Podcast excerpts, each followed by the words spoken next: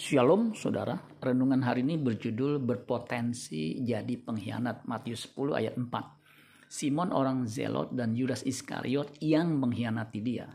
Kemudian Lukas 6 ayat 16. Yudas anak Yakobus dan Yudas Iskariot yang kemudian menjadi pengkhianat. Kemudian Matius 26 ayat 25. Yudas yang hendak menyerahkan dia itu menjawab katanya, Bukan aku ya Rabi, Kata Yesus kepadanya, engkau telah mengatakannya. Yudas Iskariot adalah salah satu murid Tuhan Yesus yang mendapat kepercayaan sebagai bendahara. Suatu posisi penting di dalam kelompok murid Kristus.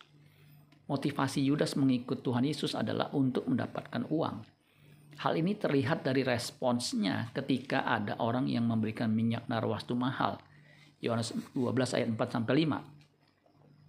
Tapi Yudas Iskariot, seorang dari murid-murid Yesus yang akan segera menyerahkan dia berkata, Mengapa minyak narwastu ini tidak dijual 300 dinar dan uangnya diberikan kepada orang-orang miskin?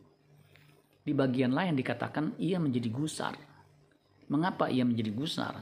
Alkitab menjelaskan mengapa dia gusar. Yohanes 12 ayat 6. Hal itu dikatakannya bukan karena ia memperhatikan nasib orang-orang miskin, melainkan karena ia adalah seorang pencuri. Ia sering mengambil uang yang disimpan dalam kas yang dipegangnya. Di akhir pengiringannya, Yudas menjual Tuhan Yesus demi 30 uang perak yang pada akhirnya dia buang juga sebelum ia mati bunuh diri. Orang yang terikat dengan uang dan harta kekayaan tidak bisa menjadi muridnya meskipun gurunya adalah Kristus. Awalnya bisa saja orang mengikut Tuhan Yesus dengan motivasi yang salah, termasuk para muridnya.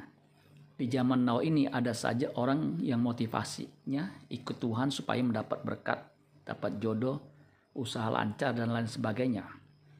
Dengan berjalannya waktu, seharusnya seseorang bertumbuh dalam pengenalan akan Allah dan kebenarannya sehingga motivasinya diubahkan.